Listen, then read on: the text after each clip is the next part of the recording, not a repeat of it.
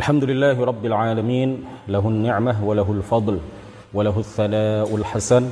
صلوات الله البر الرحيم والملائكة المقربين على سيدنا محمد طه الأمين وعلى آله وصحبه الطيبين الطاهرين. رب اشرح لي صدري ويسر لي أمري وثبتني على الإيمان. اللهم لا سهل إلا ما جعلته سهلا. وأنت يا حي يا قيوم تجعل الحزن إذا شئت سهلا Para pemirsa, para jamaah, para peserta kajian kitab Matan Jauharatul Tauhid baik yang online maupun yang offline yang ada di hadapan saya yang mudah-mudahan semuanya senantiasa mendapatkan limpahan taufik, rahmah serta hidayah dari Allah Subhanahu wa taala. Ini adalah pertemuan kedua dari kajian kitab Jauharatul Tauhid, matan matannya saja, tapi saya ambil syarahnya dari beberapa kitab. Saya kondisikan penjelasannya tidak terlalu panjang tapi juga tidak tidak terlalu singkat. Mudah-mudahan niat saya, tujuan saya menjelaskan kitab Matan Jauharatul Tauhid ini bisa sesuai dengan harapan sebagian besar dari kita, tidak terlalu panjang lebar sehingga enggak khatam-khatam tapi juga tidak terlalu singkat sehingga faidahnya berkurang. Mudah-mudahan bisa tengah-tengah di antara panjang dan terlalu singkat ya. Mudah-mudahan bisa sedang penjelasannya. Dan insya Allah kajian kita pada malam hari ini dan pertemuan sebelumnya serta pertemuan-pertemuan berikutnya mudah-mudahan senantiasa mendapatkan ridho serta balasan pahala yang berlipat ganda dari Allah Subhanahu wa taala. Kita luruskan niat, kita tata niat kita, kita mengikuti kajian ini semata-mata ingin mendapatkan ridha dari Allah Subhanahu wa taala, bukan karena yang lain. Kalau niatnya sudah lurus, kalau niatnya sudah ditata dengan benar, insya Allah ngantuknya hilang. Insya Allah rasa capeknya hilang. Insya Allah kita fokus mendengarkan dan menyimak kajian dari kitab ini dan mudah-mudahan kita senantiasa berdoa kepada Allah apa yang kita kaji, apa yang kita peroleh pada malam hari ini dan pada pertemuan-pertemuan berikutnya dari pembahasan kitab ini bermanfaat dan semakin mengokohkan keimanan kita semakin menambah rasa takut kita kepada Allah Subhanahu wa taala dan menuntun kita ke derajat meraih derajat sebagai orang-orang yang bertakwa dan lebih dari itu mudah-mudahan menuntun kita ke eh, derajat wilayah. Mudah-mudahan kita semuanya dijadikan oleh Allah Subhanahu wa taala sebagai para aulia sebagai para kekasihnya sebagai para walinya. Amin ya rabbal alamin. قال المؤلف رحمه الله تعالى ونفعنا به وبعلومه وأمدنا بأمداده وأفاض علينا من بركاته آمين الحمد لله على صلاته ثم سلام الله مع صلاته على نبي جاء بالتوحيد wa qad khalat dinu anit tauhidi alhamdulillahi alhamdu saya kemarin izin ke NO online untuk mengartikan kitab ini dalam bahasa Jawa. Katanya jangan Ustadz. Nanti banyak yang dari luar Jawa yang protes. Jadi kita maknai bahasa Indonesia, bahasa persatuan, bahasa yang insya Allah bisa kita pahami bersama. Alhamdulillah, segala puji, lillahi,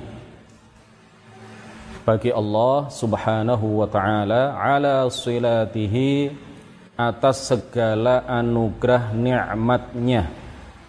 Thumma salamullahi disertai salam. Allah ma'a salatihi dan salawatnya ala nabiyyin semoga tercurah kepada nabi ja'a tauhidi Nabi Muhammad maksudnya Ja'a tauhidi yang datang dengan tauhid, yang datang dengan membawa aqidat tauhid. Waqad khalad dinu 'anit tauhidi ay 'anit tafarrudi. Waqad khalad dinu dan agama telah kosong pada waktu itu pada saat beliau membawa agama Islam Nabi Muhammad saat membawa akidah tauhid saat itu waqad khalad dinu dan agama telah kosong agama yang dianut oleh masyarakat jahiliyah ketika itu telah kosong anit tauhidi dari tauhid. Atau bisa juga diartikan at-tauhid di sini maksudnya adalah at-tafarrud ya. At-tauhid yang kedua tauhid yang pertama sudah tadi kita baca pada bait nazam bagian pertama dari bait nazam yang kedua kemudian kata tauhid dari bait nazam yang kedua bagian kedua itu menurut sebagian pensyarah kitab ini artinya adalah dalam arti lugawi, dalam arti bahasa. At-tauhid artinya adalah tafarrud, satu. Artinya waqad khalad dinu dan agama telah kosong. Anit tauhidi dari satu, agama telah kosong dari satu. Ya, nanti akan kita arti akan kita jelaskan yang dimaksud itu apa. Syarah penjelasan. Pengarang kitab ini Syekh Ibrahim Al-Laqani rahimahullahu taala wa radiya anhu mengatakan alhamdulillahi ala silatihi alhamdulillah alhamdulillah alhamdu artinya adalah ats-tsana'u bil lisan. Pujian kepada Allah secara lisan. Itu tulisan saya yang saya tulis dalam deskripsi itu ditambahi lisan ya. Nanti akan saya tambahkan. Saya tulis des deskripsi jadi eh, setiap kali kami siaran kami live di Facebook and online syarah yang akan kami jelaskan dalam kajian kitab ini kami tulis dalam kolom atau dalam eh, deskripsi yang ada di eh, bawah video. Jadi di situ kurang secara lisan ya. Asana ubil lisani. Alhamdulillah. Artinya adalah apa? Pujian kepada Allah secara lisan. Pujian secara lisan kepada Allah Subhanahu wa taala yang Maha memberi nikmat yang berhak diagungkan dengan puncak pengagungan atas segala nikmat yang Ia anugerahkan kepada kita dan tidak wajib bagi Allah menganugerahkan nikmat kepada kita. Jadi Allah memberikan nikmat kepada kita itu fadlan minhu wa karoma semata-mata adalah anugerah dan karunia yang ia berikan kepada kita. Allah tidak wajib memberikan nikmat kepada orang-orang yang taat kepada beliau. Allah tidak wajib memberikan nikmat kepada orang-orang yang rajin beribadah. Kalau orang ini, orang itu, si fulan ini, si fulan itu selama hidup di dunia mereka mendapatkan nikmat dari Allah, maka itu adalah semata-mata anugerah dan karunia darinya. Allah tidak wajib sama sekali memberikan nikmat kepada siapa pun. Makanya di dunia pada pertemuan yang perdana pada minggu yang lalu kami sampaikan bahwa di dunia Nikmat dan rahmat Allah itu berlaku umum. Siapa pun diberi nikmat. Siapa pun diberi rahmat oleh Allah Subhanahu wa taala. Kafir, muslim, mukmin, fasik, orang fasik, orang yang taat, orang yang selalu ibadah, orang yang tidak pernah beribadah, semuanya diberi rahmat dan nikmat dari Allah Subhanahu wa taala tanpa memandang agamanya apa. Tanpa pandang bulu. Siapa pun dapat selama hidup di di dunia. Ya, tidak seperti sebagian orang, sebagian aliran yang menyatakan bahwa Allah wajib memberikan nikmat kepada hamba-hambanya. Tidak ya. Aqidah ahli sunnati wal jamaah sebagaimana diajarkan oleh para ulama, Allah tidak wajib melakukan apa pun. Karena nggak ada yang memerintahkan dia itu nggak ada. Jadi yang wajib melakukan sesuatu itu karena ada yang memerintahnya kan. Sedangkan Allah adalah Tuhan sang pencipta, sang maha kuasa La lahu wala nahi. Tidak ada yang memerintah Allah dan tidak ada yang melarang Allah. Tidak ada yang memerintah Allah untuk melakukan sesuatu, untuk berbuat sesuatu dan tidak ada yang melarang Allah untuk tidak melakukan sesuatu. Ya. Makanya kemudian para ulama mengatakan Alhamdulillah itu artinya adalah kita memuji Allah secara lisan atas berbagai nikmat yang Allah anugerahkan kepada kita. Min ghairi wujubin alaihi. Ya. Tanpa dikatakan bahwa Allah wajib wajib memberikan nikmat kepada kita sebagai hamba-hambanya. Nah, memuji Allah itu artinya adalah bersyukur kepadanya. Memuji Allah itu artinya apa? Bersyukur kepadanya. Bersyukur atau syukur itu ada dua, sebagaimana yang sudah sama-sama kita ketahui. Syukur ada dua, ada syukur wajib dan ada syukur sunnah. Ada syukur wajib dan ada syukur sunnah. Syukur wajib artinya apa? Tidak menggunakan nikmat yang Allah berikan kepada kita dalam berbuat dosa dan maksiat kepadanya. Diberi nikmat mata tidak digunakan untuk melihat hal-hal yang diharamkan olehnya. Diberi nikmat harta tidak digunakan untuk melakukan maksiat kepada Allah. Diberi nikmat kaki tidak digunakan untuk melangkah ke tempat-tempat yang diharamkan oleh syariat. Diberi nikmat kesehatan tidak digunakan untuk berbuat dosa kepadanya. Ketika seseorang sudah mampu untuk menggunakan nikmat dalam berbuat taat kepada Allah dan tidak menggunakan nikmat itu dalam berbuat dosa dan maksiat kepada Allah Subhanahu wa taala maka orang yang seperti ini sudah dikatakan sebagai orang yang telah melakukan syukur wajib kepada Allah Subhanahu wa taala. Yang kedua adalah syukur sunnah. Syukur sunnah itu ketika kita mendapatkan nikmat kemudian kita membaca alhamdulillah Alhamdulillahi Rabbil Alamin ya dapat nikmat kajian itu kan nikmat ya nikmat harta. Alhamdulillah. Sampai detik ini kita masih diberi nikmat iman. Kita mengatakan Alhamdulillah. Sampai detik ini kita masih diberi nikmat berupa cinta kepada Allah. Cinta Allah itu nikmat. Nikmat yang luar biasa. Iman itu adalah nikmat yang paling luar biasa, paling istimewa yang Allah anugerahkan kepada kita. Kita diberi nikmat bisa bertawakal kepada Allah. Kita diberi nikmat cinta kepada Rasul. Kita diberi nikmat rindu ingin berjumpa dengan Rasul itu nikmat itu. Rindu ingin berjumpa dengan Rasul itu adalah nikmat.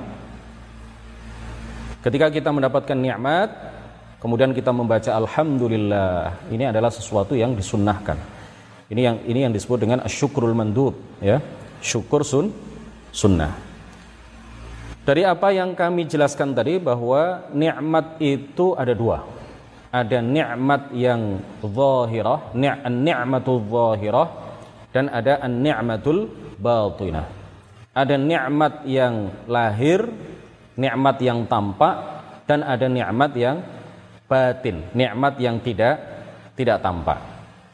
Nikmat lahir itu seperti apa? Kesehatan, harta, ya. Mata yang kelihatan oleh orang. Yang bisa dilihat oleh semua orang. Bisa bangun rumah, e, memiliki wajah yang cantik, memiliki wajah yang ganteng, memiliki hidung yang indah, memiliki bibir yang sensual ya tapi tidak diperlihatkan tidak di uh, uh, sensual sensualkan kecuali kepada suaminya kecuali kepada pasangan sahnya. Itu semuanya adalah nikmat-nikmat yang zahir. Nikmat-nikmat yang tampak. Nah ada lagi nikmat yang tidak tampak. Dan nikmat yang paling agung yang Allah anugerahkan kepada kita adalah nikmatul iman wal islam. Nikmat iman dan nikmat Islam. Ini adalah nikmat yang paling agung yang Allah anugerahkan kepada kita. Man u'tiyal imana walam yu'tad dunya faka'annama ma muni'a syai'a kata para ulama. Barang siapa yang diberi nikmat iman dan tidak diberi nikmat harta, maka seakan-akan dia tidak terhalang dari apa pun. Karena nikmat iman itu sudah melebihi nikmat apa pun. Sebaliknya, waman u'tiya dunya atau waman u'tiyal mala walam yu'tal imana faka'annama lam yu'ta syai'a atau faka'annama ma u'tiya syai'a. Barang siapa yang diberi nikmat harta yang berlimpah, nikmat duniawi, tetapi dia tidak diberi oleh Allah nikmat berupa iman, maka seakan-akan dia tidak diberi apa pun. Karena orang itu kalau sudah terhalang dari iman, maka nikmat apa pun yang Allah anugerahkan kepadanya itu nggak ada manfaatnya di akhirat.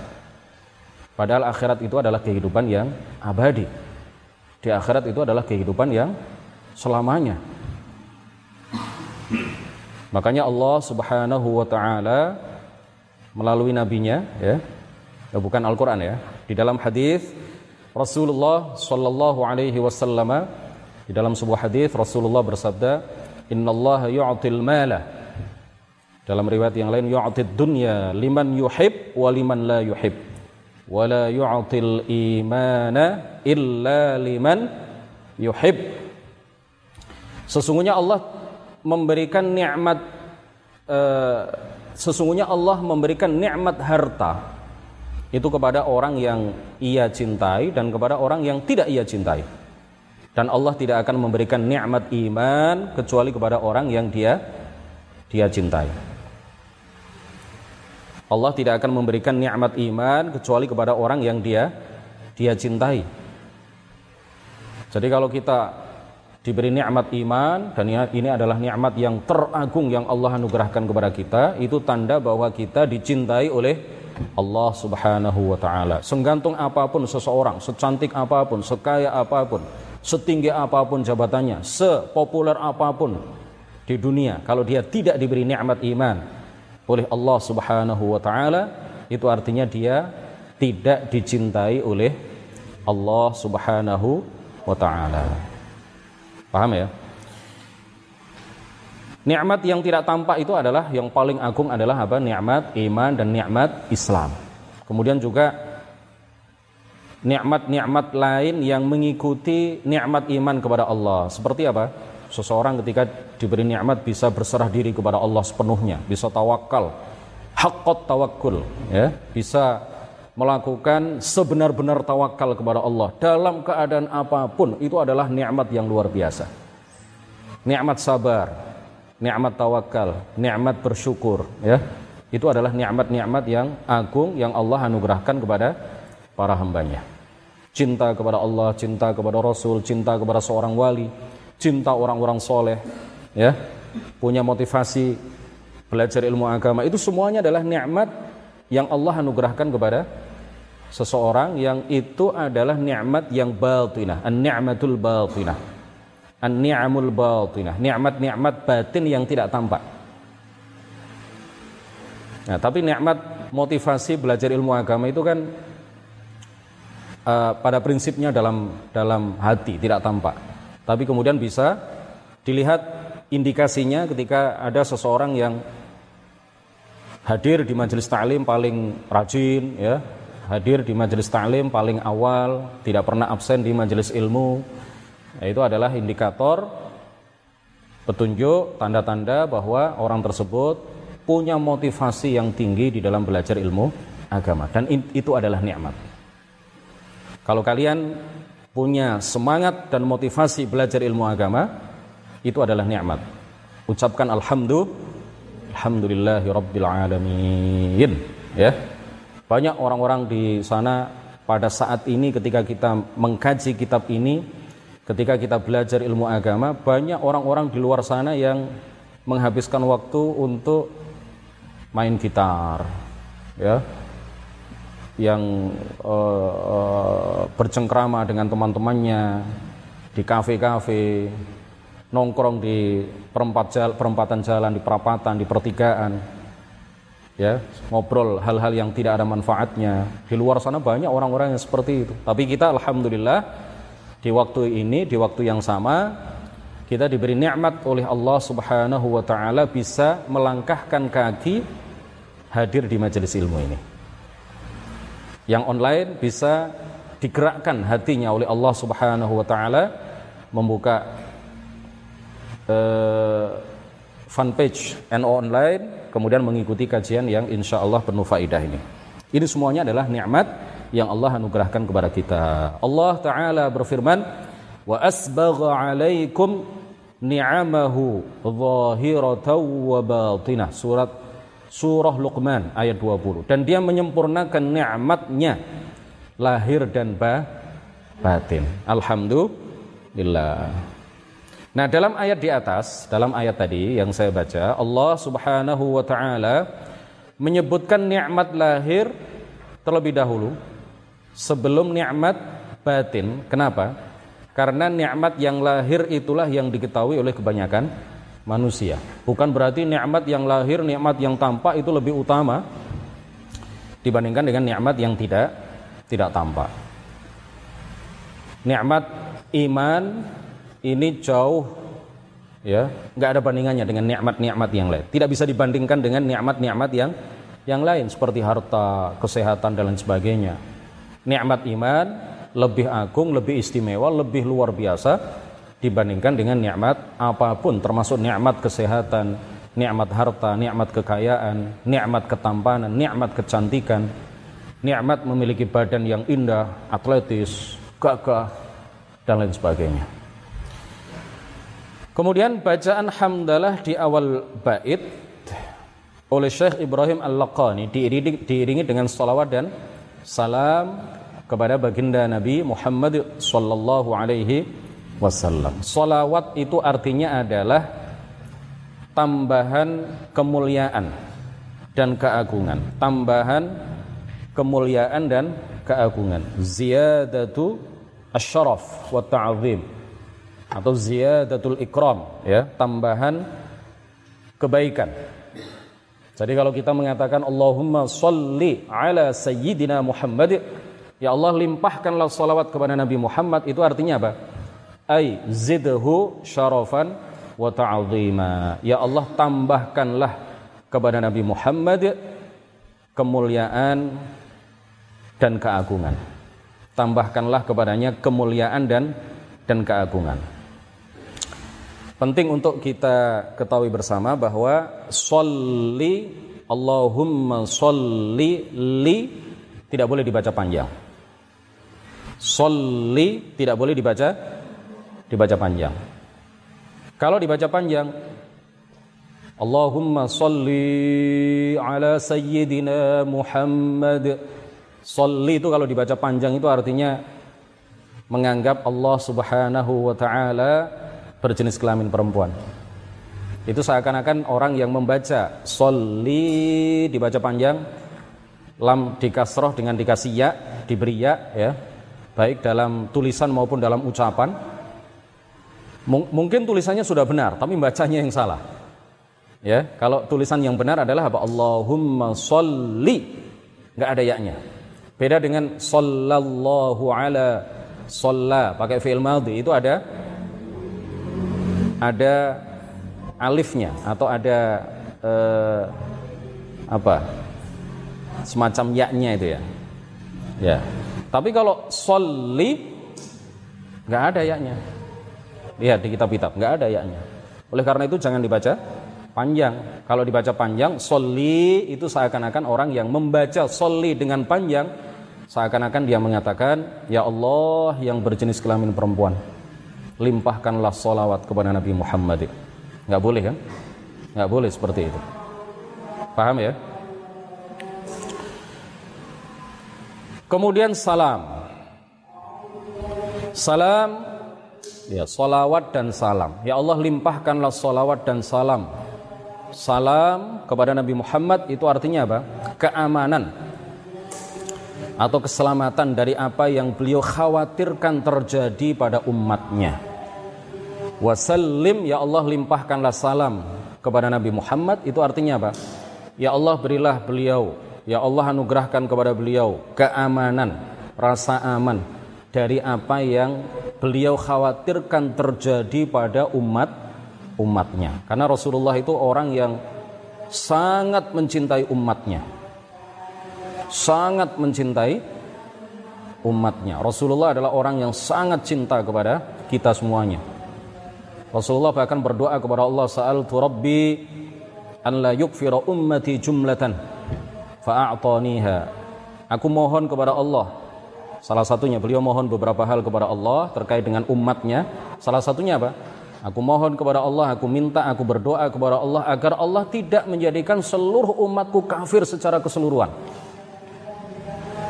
Dan doaku itu dikabulkan, permintaanku itu dikabulkan, diijabah oleh Allah Subhanahu wa taala. Jadi beliau sangat mengkhawatirkan kita.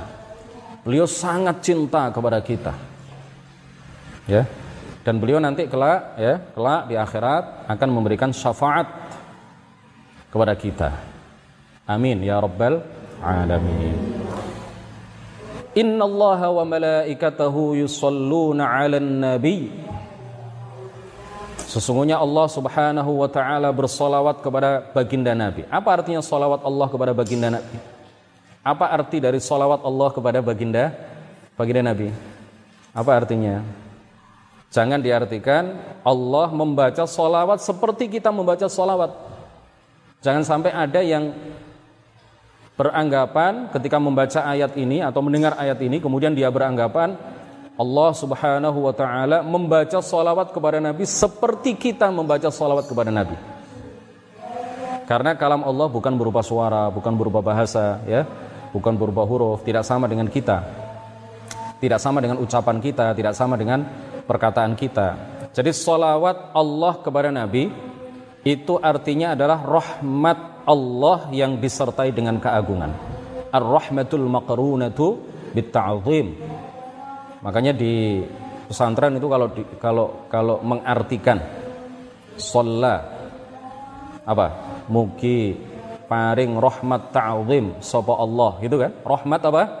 Ta'zim, rahmat yang disertai dengan pengagungan rahmat yang disertai dengan ketinggian derajat ya rahmat yang disertai dengan kemuliaan jadi Allah bersolawat kepada Nabi artinya adalah Allah memberikan rahmatnya yang disertai dengan keagungan dan kemuliaan kepada Nabi Muhammad sallallahu alaihi wasallam. Malaikat bersolawat kepada Nabi artinya adalah ya menurut sebagian ulama sama dengan solawatnya kita berdoa kepada Allah agar Allah melimpahkan solawat ya solawat rahmatnya disertai dengan ta'zimnya kepada Nabi Muhammad. Sebagian ulama mengatakan solawat malaikat kepada Nabi itu artinya adalah istighfar. Apa?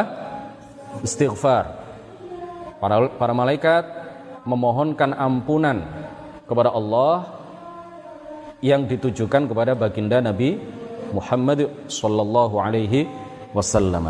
Dan salawat dari umat kepada Nabi, salawat kepada dari kita kepada Nabi artinya apa? Doa. Ya. Kita berdoa kepada Allah agar Allah melimpahkan salawat, melimpahkan rahmatnya yang disertai dengan kemuliaan dan keagungannya, keagungan darinya kepada baginda Nabi Muhammad sallallahu alaihi wasallam. Sebenarnya saya sudah uh, menulis di, di deskripsi itu ya panjang sampai selesai penjelasan dua bait ini. Tapi kita akhiri sampai di sini. Insya Allah kita lanjutkan masih masih dalam penjelasan terkait dengan dua bait pertama dari kitab Matan Jauharutit Tauhid. Insya Allah kita lanjutkan pada hari Selasa depan. Mudah-mudahan menjadi ilmu yang bermanfaat. Mudah-mudahan barokah Mudah-mudahan kita senantiasa mendapatkan ridho dan pahala yang berlipat ganda dari Allah Subhanahu wa taala setiap kali kita mengikuti kajian kitab ini ya. Mudah-mudahan berkah selalu untuk kita semuanya. kita baca tahlil tiga kali dan salawat tiga kali untuk mengakhiri majelis yang insya Allah penuh keberkahan ini. La ilaha illallah, la ilaha illallah, la ilaha illallah. Allahumma salli ala sayyidina Muhammad wa ala alihi wa sahbihi wa sallim. Allahumma salli ala sayyidina Muhammad wa ala alihi wa sahbihi wa sallim. Allahumma salli ala sayyidina Muhammad وعلى آله وصحبه وسلم. ربي اغفر لي ولوالدي وللمؤمنين والمؤمنات والله الموفق. إلى أقوم الطريق. والسلام عليكم ورحمة الله وبركاته.